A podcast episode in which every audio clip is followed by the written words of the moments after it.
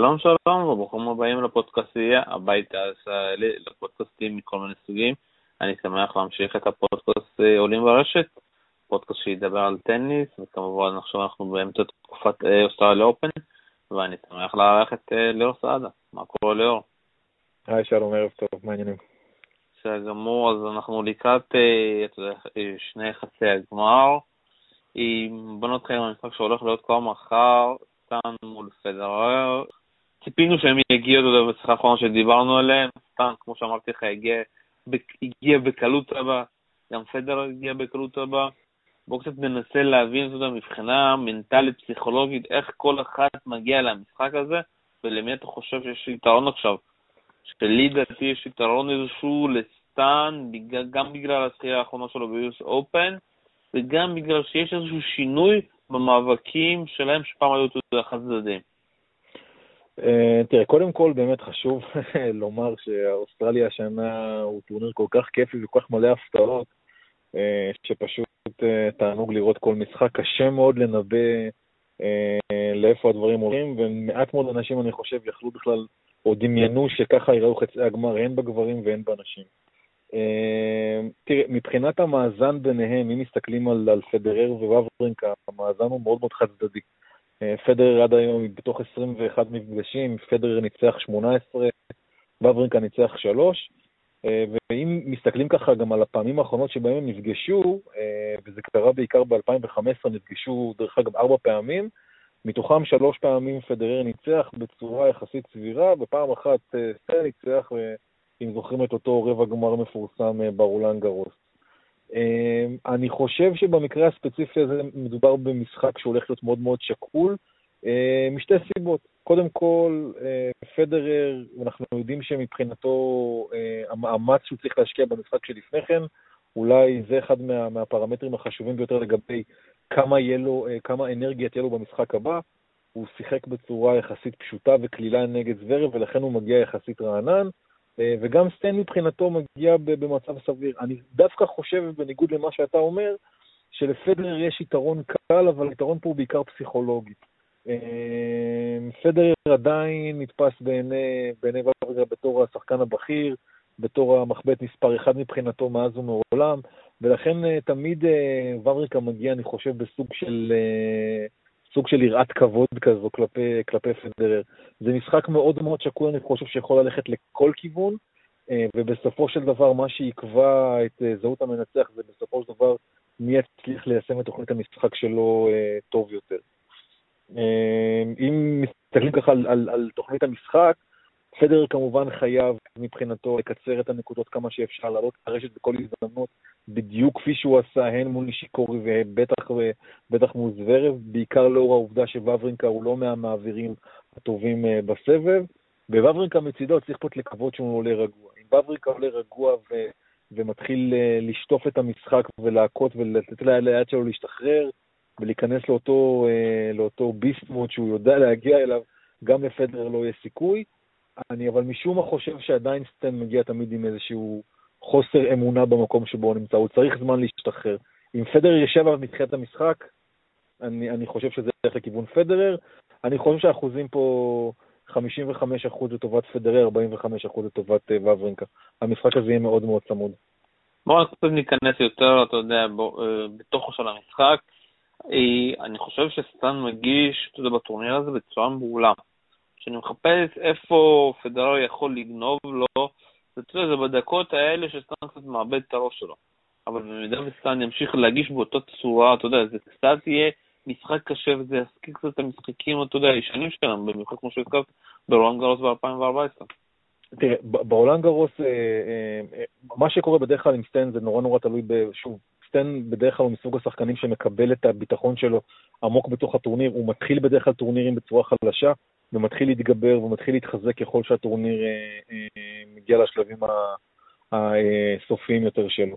ולכן נורא נורא תלוי איך סטן מתחיל. אה, סטן הוא גם שחקן נורא נורא מנטלי. אני פתאום עכשיו עולה לי לראש המשחק שלו, אם אני לא זוכר אם זה היה לפני שנה, אני חושב בשנה שעברה, במונטה קרלו הוא שיחק, אני חושב, חצי גמר נגד, נגד נדל, ופתאום הסועדים במסעדה מעל התחילו לעשות רעש שלטענת וברינקה היה חריג מדי, הבחור פשוט איבד את הראש ומאותו רגע פשוט זרק את המשחק.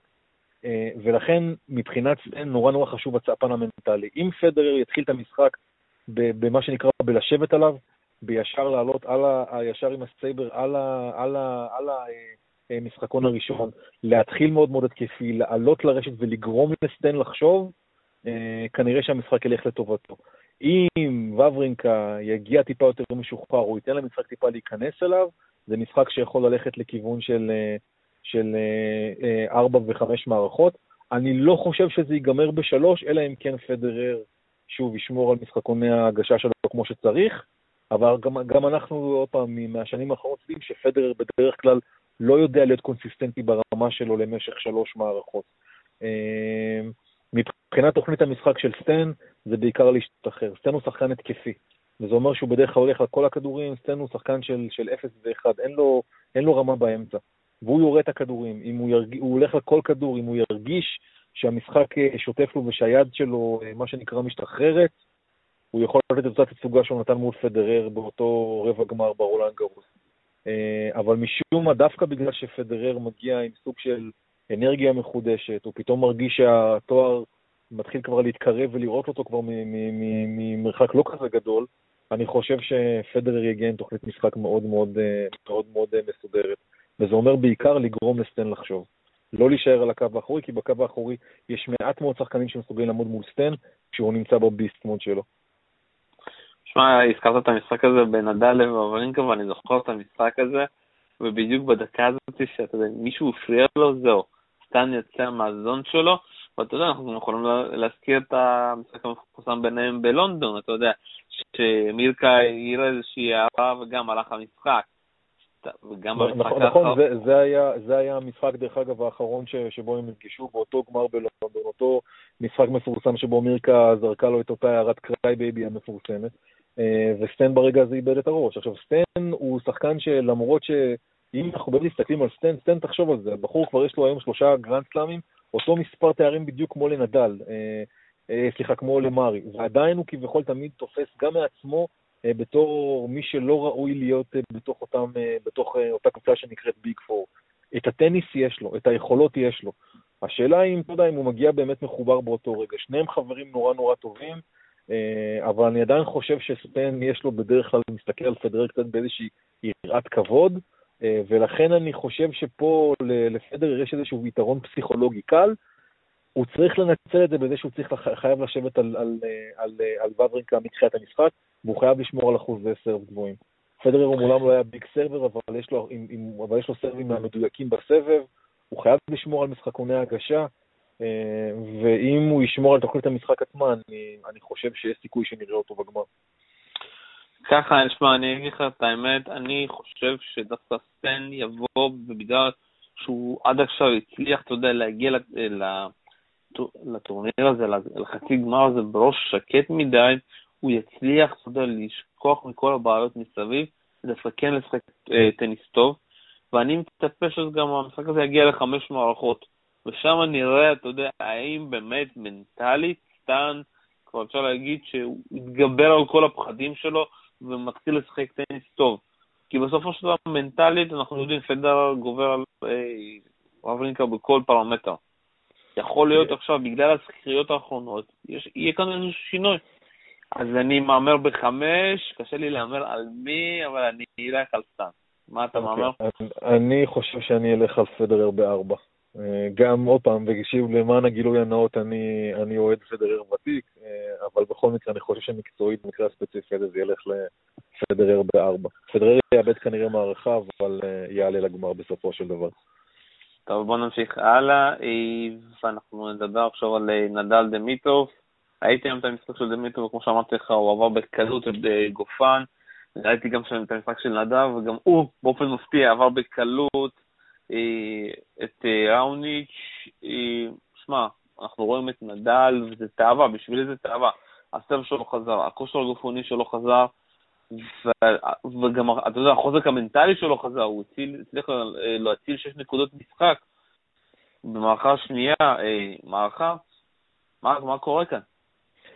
תראה, אני חייב להגיד לך ש, שראוניץ' עד למשחק הקודם מול בטיסטה הגוץ, היה לדעתי נראה ב, כשחקן הטוב בטורניר, משהו במשחק מול בטיסטה הגות קצת זז שם, אני לא יודע, היה שם איזושהי רמיזה לכך שהוא קצת שוב פעם אה, איזושהי אה, פציעה עוד פעם אה, בירך.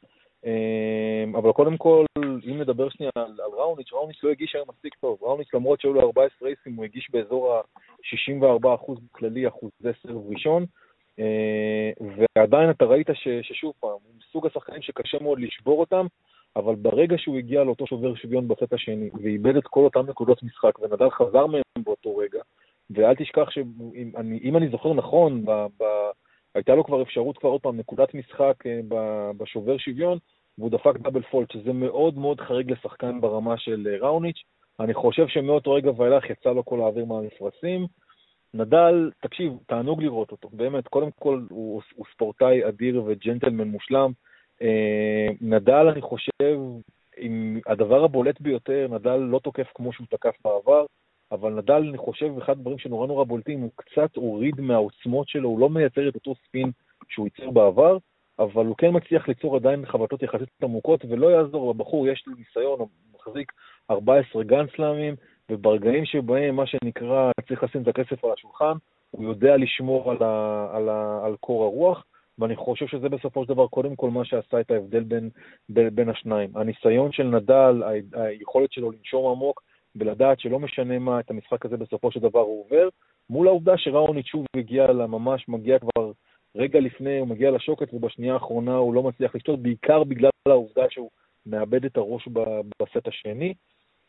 זה לא נדל שהכרנו. חשוב עוד פעם, לפחות אני מסתכל מבחינה סטטיסטית, הוא לא מייצר את אותו ספין, הוא, אה, הוא אה, לא מייצר את אותן עוצמות, הוא זז נהדר, זה כן, אבל הוא לא תוקף באותה מידה. אני חושב שהוא פחות מסוכן לשחקנים עם הסגנון של דמיטרוב או פדרר, אה, לעומת מדל שלפני שנתיים או שלוש, אבל, אה, אבל אין ספק שמחר הולך, אה, סליחה, ביום שישי הולך להיות מצ'אפ, אני חושב מהסרטים, שלדעתי הוא הרבה פחות ברור מאשר מה שאנשים נוטים לחשוב. אני חושב שדווקא זה הולך להיות מצ'אפ מאוד קל בשביל אה, נדל. תראה, אם מסתכלים על, אם מסתכלים על הנתונים היבשים, נדל מוביל 7-1, הפעם האחרונה 7 פעמים, הם נפגשו 8 פעמים, נדל ניצח 7. במפגש האחרון אומנם דימיטרוב ניצח, זה היה ב-2016 בבייג'ין, אבל אז נדל היה גם עם הפציעה שלו והתזוזה שלו הייתה אה, מאוד מאוד בעייתית, למרות שבעיקר אז הוא סבל בעיקר מהיד, הוא חזר אז מ... אה, הוא עדיין היה לו את הפציעה אה, אה, במפרק היד שהטרידה אותו. אבל נדל לא מייצר את אותן עוצמות שהוא ייצר בעבר. הבעיה העיקרית של שחקנים, בעיקר עם, עם backhand יד אחת מול נדל, היא העובדה שבגלל שנדל מייצר spin כל כך גבוה, כשהוא מכה לך לכיוון ה backhand, הכדור עולה נורא נורא גבוה, ולכן לרוב השחקני ה backhand יד אחת קשה מאוד להחזיר ב backhand מלא, והם צריכים בעיקר לעשות slice, והם בעיקר צריכים בסופו של דבר לחבוט slice. ולכן נדל בעצם תמיד היה מסכן את ה backhand אה, יד אחת של היריב. אה, אבל כאן צריך לזכור שגם נדל כבר לא מייצר את אותן עוצמות. ושתיים, דמיטרוב, אני מסתכל עליו שוב וראיתי אותו גם אה, משחק היום, הוא פשוט משחק את הטניס הטוב בחיים שלו. מאז שהבחור החליט כנראה לעשות את ההחלפה בצוות האימון, ומאמצע סוף שנה שעברה, כשדני ולוורדה הוא זה שמאמן אותו, הבחור פשוט נראה מצוין, הוא למד להיות הרבה יותר שקול על המגרש, הוא לא מנסה ללכת על החבטות שהן יותר, מה שנקרא, רק בשביל לרצות את הקהל, אלא משחק בצורה הרבה יותר שקולה, הרבה יותר נכונה. הוא אתלט אדיר, בלתי, בלתי נלאה, אה, יש לו טניס יפהפה לעין, אה, ולדעתי המשחק בינו לבין נדל הולך להיות הרבה יותר צמוד אה, ממה שניתן לחשוב. אם אני צריך להמר בין השניים, עדיין הייתי הולך על נדל, אבל בעיקר בגלל קודם כל נושא הניסיון. עדיין נדל היה במעמדים האלה, זוכר את המעמדים האלה, מכיר אותם, דמיטרוב היה שם פעם אחת, אה, וזה לא נגמר כל כך טוב, אם אני זוכר טוב זה היה חצי גמר אה, ווימבלדון. אה, לנדל עדיין יש את הניסיון, ועדיין יש את היכולת. אני לא חושב שזה ילך על שלוש מערכות קלילות לנדל, אני חושב שנדל יתקשה בעיקר לאור העובדה שמבחינת כושר גופני ויכולת, דמיטרוב הוא שחקן מאוד מאוד מסוכן, שיכול לגוון מאוד, לעלות לרשת, לשחק עם סלייסים, לשנות את הפייס באופן קבוע במהלך המשחק כל הזמן, ולכן uh, המשחק עצמו הולך להיות הרבה יותר צמוד ממה שאנשים חושבים. שוב, זה ההימור שלי. אם אני צריך להמר, אני חושב גם במקרה הספציפי הזה נדל הולך לקחת את המשחק הזה ב... בין 4 ל-5 מערכות, זה ההימור שלי. אבל זה לא יהיה משחק קל לדעתי. אה, אה, בוא נגיד ככה, אני לא מסכים איתך לגמרי, אני חושב שזה לא יכול להיות אחד המשחקים הכי קלים של נדל בטורניר, אה, וגם אני אגיד לך למה. אה, אתה יודע, בסופו של דבר, אתה יודע, הרבה שחקנים פה נתנו משחקים טובים אה, והגיעו עם הרבה ציפיות, כמו זוורב, כמו צונגה, אבל בסופו של דבר אני חושב שמה שיכריע זה המצ'אפ. והמצ'אפ בין דמיטרוב לנדל הוא רע. ואני לא חושב, כמה שהוא יהיה בכושר טוב, דמיטרוב יכול לעשות את המהפך המנטלי הזה כדי להתמודד מול נדל.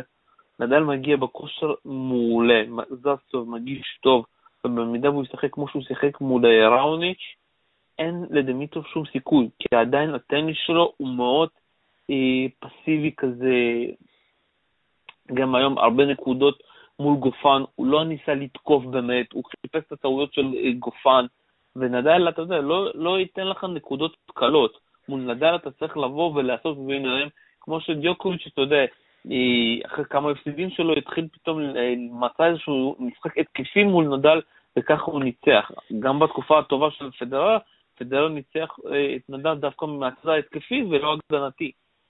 לדמיטוב אין שום סיכוי לקחת אפילו לדגדג את נדל. תראה, אני אגיד לך מה, דמיטרוב, אחד מהדברים שאני חושב הוא נורא נורא שיפר בחצי שנה או בשנה האחרונה שלו, הוא בעצם שיפר שני דברים. האחד זה קודם כל, דמיטרוב, היה לו הרבה פעמים בעיה בשיקול הדעת. דמיטרוב הרבה פעמים, מה שנקרא, במקום להעביר עוד חבטה אחת ולחכות להזדמנות אמיתית, היה מנסה ללכת מה שנקרא יותר מדי. בין אם זה ברמת השואומנשיפ, לנסות ולהראות באמת מגוון חבטות שלפעמים הם סוג אולי אפילו בלתי אפשריות, אנחנו מכירים את זה משחקנים, אתה יודע, שהם נורא נורא התקפיים ומחפשים את אותו שבריר שנייה בשביל לתקוף את ה winner, גם אם לצורך העניין אתה תחכה עוד שנייה ותנסה למצוא את החבטה היותר נוחה, והוא למד להיות הרבה יותר שקול במשחק שלו, אה, ואני חושב שאולי זה הדבר העיקרי קודם כל שוולוורדו הביא לשולחן כמאמן שלו.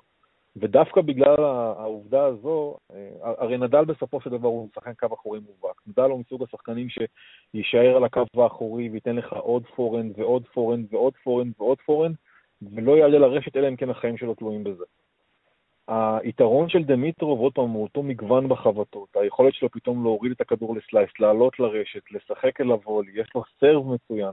אה, ואני חייב להגיד עוד פעם, הוא משחק רגע את הטניס, לדעתי הטוב בחייו, אה, והוא משחק לדעתי, בוא נגיד היום, הוא כבר מתחיל להיראות כמו שחקן top 10 לגיטימי, ואותו שחקן שכולם תמיד ציפו שהוא יהיה, ולתקופה קצרה הוא היה. אני די משוכנע שהוא שווה לפחות מערכה אחת, אם לא יותר, מול נדל. אני עדיין חושב שנדל ינצח בגלל אה, הניסיון אה, ובגלל אה, העובדה שהוא הרבה יותר מנוסה במעמדים האלה, ואני חושב יודע להתמודד עם, עם מעמד חצי גמר גרנדסלאם טוב יותר מדמיטרוב, אבל אה, דמיטרוב לא הולך ליפול, אה, לא הולך ליפול אה, אה, בלי, אה, בלי fight. לדעתי הוא שווה מערכה אחת אם לא יותר. המשחק בהערכה שלי הולך להיות הרבה יותר צמוד אה, ממה, ש, ממה שאולי נוטים לחשוב.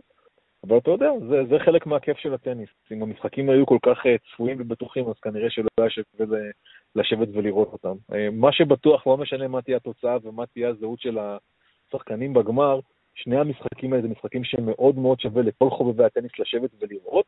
ודרך אגב, המשחק בין דמיטרוב לבין נדל הוא סוג של פריוויו למה יקרה אם בסופו של דבר פדרר ונדל ייפגשו בגמר, מכיוון שדמיטרוב הוא סוג של עוד פעם, זה שני הסוגים השונים של הטניס. הטניס ההתקפי של אה, דמיטרוב slash אה, פדרר, לבין אותו טניס הגנתי של נדל, אותו topspin, אותו קו אחורי, אותם עוצמות, אה, וזה יהיה סוג של הכנה טובה לקראת הגמר למי שלא בסופו של דבר יהיה שם.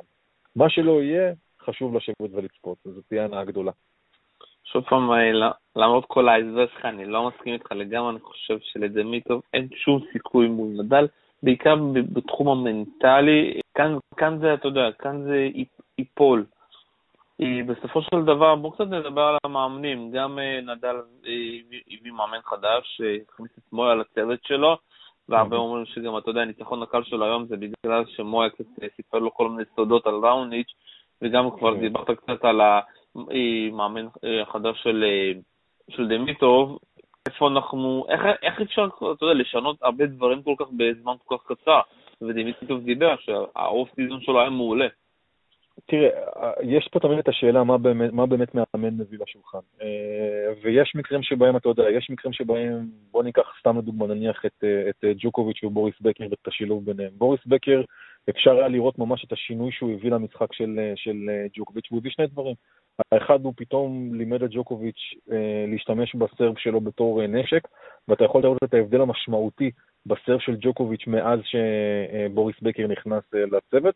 והדבר השני זה גם, הוא קצת לימד אותו יותר לעבוד על הוולי, מה גם שעדיין, גם אחרי העבודה הקשה של בוריס בקר, עדיין לא ראית אולי שהוא הפך להיות חיית רשת משומנת, אבל עדיין ראית שהוא מצליח להתמודד עם, ה, עם, ה, עם האזור הזה בצורה טיפה יותר טובה.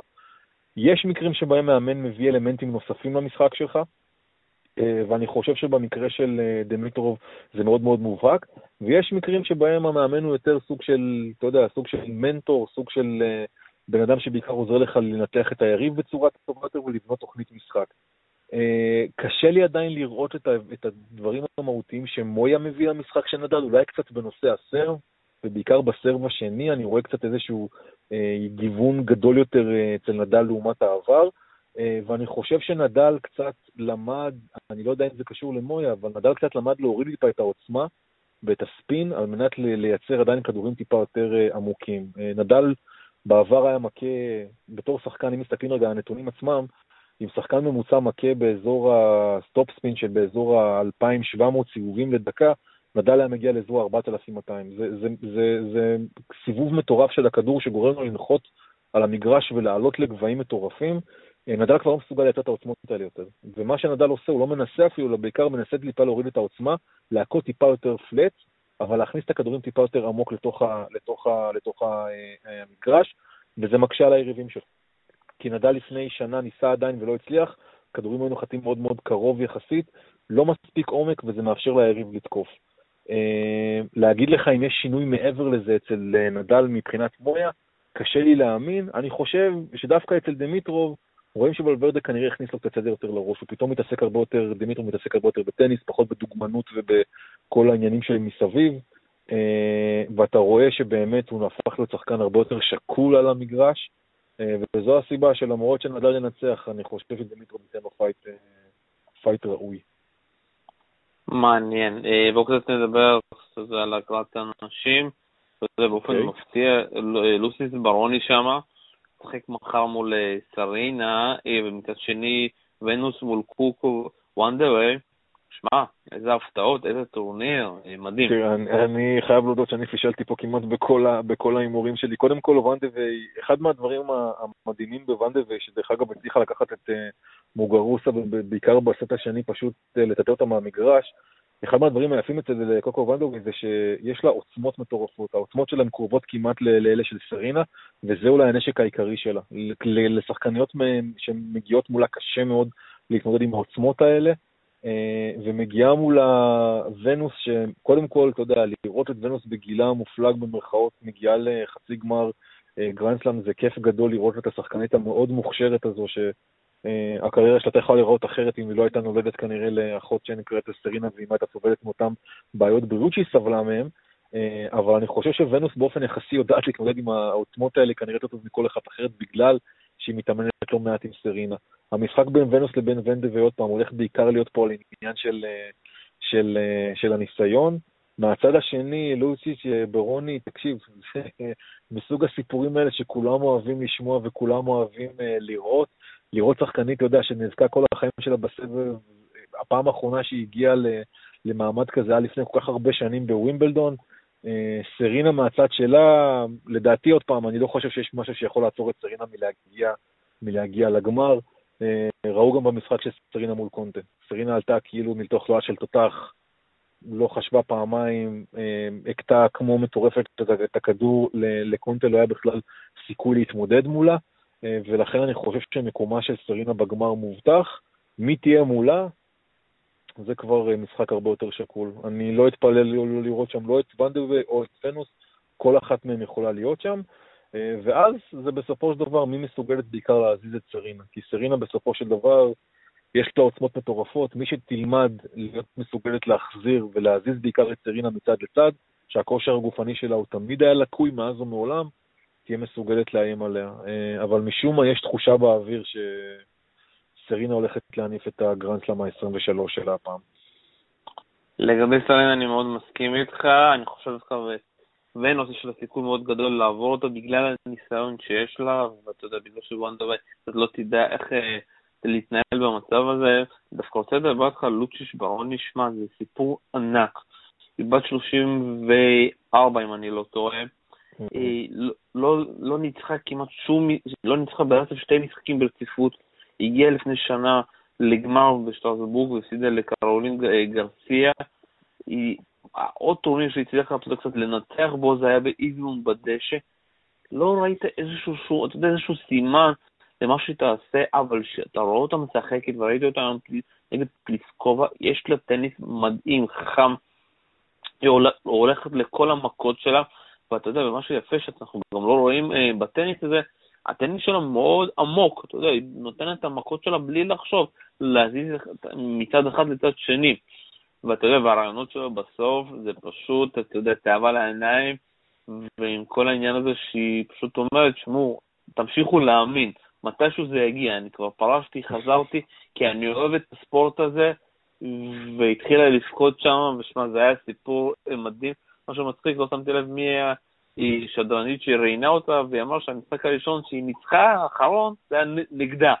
אז אתה מבין, כאילו, הסיפורים שיש שם, מדהימים, ותשמע, סיפור מדהים. אין, אין ספק שזה סיפור אה, ספורטיבי אה, מרתק, ואתה יודע, זה, זה קורה אחת לכמה פעמים, ב, ב, בעיקר בסבב הנשי, אולי בגלל שהמשחקים שם זה בדרך כלל לשלוש מערכות, ואז בוא נגיד הפוטנציאל ההפתעה הוא גדול יותר, אבל אחת לכמה שנים בדרך כלל יש איזושהי ריצה של מישהי, אפשר גם לזכור את ה... אני לא זוכר אם זה היה, אני חושב, לפני, אה, לפני שנה או לפני שנתיים ב-US Open עם פלאביה פנטה, ו... עם סקיאבוני ששיחקה מולה, ושוב פעם לראות את שתיהם בגמר, את האיטלקיות בגמר, זה גם היה משהו שאף אחד לא ראה לפני כן. אחת לכמה זמן קורה מצב שבו יש שחקנית שפתאום הכל מתחבר לה ל... לטורניר אחד, ופתאום, אתה יודע, היא עוברת משחק, ופתאום עוברת עוד משחק, ומתחילה להאמין בעצמה, ובסופו של דבר זה קורה. אמ, בוא נאמר ככה, אם, אם ברוני הייתה מוגרלת בצד השני של ההגרלה, ופוגשת את סרינה בגמר, אה, אולי הסיכויים שלה היו טובים יותר. משום מה יש לי תחושה שסרינה מגיעה, מה שנקרא, שהיא זה woman on a mission, והיא היום היא לקחה את קונטה שנראתה מצוין לאורך כל הטורניר, ופשוט נקטת את המגרש. אה, וכשסרינה מגיעה במוד הזה, אה, מאוד מאוד קשה להתמודד מולה, כי היא פשוט לוחצת אותך אחורה מבחינת העוצמות שלה, שאלה אם כן יש לך באמת את היכולת להחזיר חזרה ולעמוד בעוצמות האלה, אתה פשוט, אתה פשוט לא, לא, אתה מקבל winner אחרי winner אחרי winner. ומעט מאוד שחקנות מסוגלות בכלל לייצר עוצמות כאלה, ומי שבדרך כלל מצליחה לייצר אותם זה בדרך כלל השחקנות ההתקפיות, שמצליחות להזיז את סרינה מצד לצד, מקו אחד של ה baseline לצד השני. אה, שחקנית כמו ונדה והיא כנראה מסוגלת לעשות את זה, מוגרוסה מסוגלת לעשות את זה ביום נתון. לוצ'יץ' בורוני, אני לא כל כך בטוח. אה, מצד אחד בוא נגיד ככה, גם אם לוצ'יץ' בורוני תעלה לגמר ותיקח, זה יהיה סיפור מדהים שעוד יעשו עליו סרט הוליוודי ביום מן הימים. ואם סרינה תעלה ותיקח, אז אתה יודע, היא כבר מגיעה עם 23 גרנדסלמים, אז זה גם, אתה יודע, סיפור שכולנו נאהב ונזל את הדמעה בגמר. כך ש... בוא נגיד ככה, לא משנה מי בסופו של דבר תגיע ותיקח, זה יהיה סיפור אה, ספורטיבי מרגש. בוא אני אגיד לך ככה, בוא אני אזכיר לך, איזה סיפור יותר יהיה מדהים, אה, לסטה או לוצ'יץ' ברוני? אה, אם היא תגיע לגמר. על פניו אני חושב שלוציץ' בורוני, דווקא, אתה יודע, בגלל העובדה שהיא כבר הפסיקה באמצע, העובדה שאתה יודע שהפעם האחרונה שהייתה שם זה היה בוויבלדון לפני כל כך הרבה שנים, היום גם ראיתי כמה תמונות בטוויטר ש... שמראים את התמונות של, ה... של... של איך היא נראתה כשהיא עלתה לחצי הגמר בווימבלדון, ואיך היא נראתה היום כשהיא עלתה בחצי הגמר, ורואים את ההבדלים בין השניים, כשהייתה עוד נערה צעירה, ו... ולראות אותה היום, זה סיפור, אה, זה סיפור מדהים, סיפור מדהים. אבל זה מה שיפה בספורט. אתה יודע, מעבר לכל היופי של הספורט עצמו, זה הסיפורים הקטנים האלה שיוצרים את העניין ואת ההתרגשות ואת ההזלת דמעה. ובוא נאמר שלא משנה, אני חושב שהשנה, מעבר לעובדה שהטורניר עצמו מאוד מפתיע, עם סיפורים מאוד מאוד גדולים, אני חושב שגם הצד הגברי וגם הצד הנשי אה, יביאו כנראה אלופים, שלא משנה מי יעשה את זה השנה, אה, זה יהיה מרגש. בין אם באנשים זה יהיה כל אחת מהארבע, ובין אם בגברים זה יהיה נדל, או פדרר, או דמיטרוב, אה, זה יהיה מדהים. זה יהיה מדהים. בוא נאמר שזה סוף שבוע מלא בטניס, ואני ממליץ לכולם לשבת ולראות. טורניר כזה לא יחזור עוד הרבה זמן לדעתי. לגמרי, אני מסכים איתך, וזהו, אנחנו נסיים את זה כאן, ושוב פעם אני אזכיר את ההימורים שלי, אני חושב שיהיה גמר אה, סטן מול נדל, ונשים אחרות ויליאמס, ואני רוצה להגיד לך תודה, ליאור סעדו שהיית איתי בפודקאסט הזה. תודה רבה לך. ושוב, אנחנו נזכיר שאתם יכולים לשמוע את הפודקאסט הזה גם באפליקציה של אייפון, אה, תחת הפודקאסטייה. תודה רבה לשיתוף, אה, לאיגוד הטניס לשיתוף הפעולה בפודקאסט הזה. שוב פעם, bye bye ונתראה כנראה בקצת הפודקאסט הבא, שיהיה ביום שישי אחרי משחקי חצי הגמר. bye bye.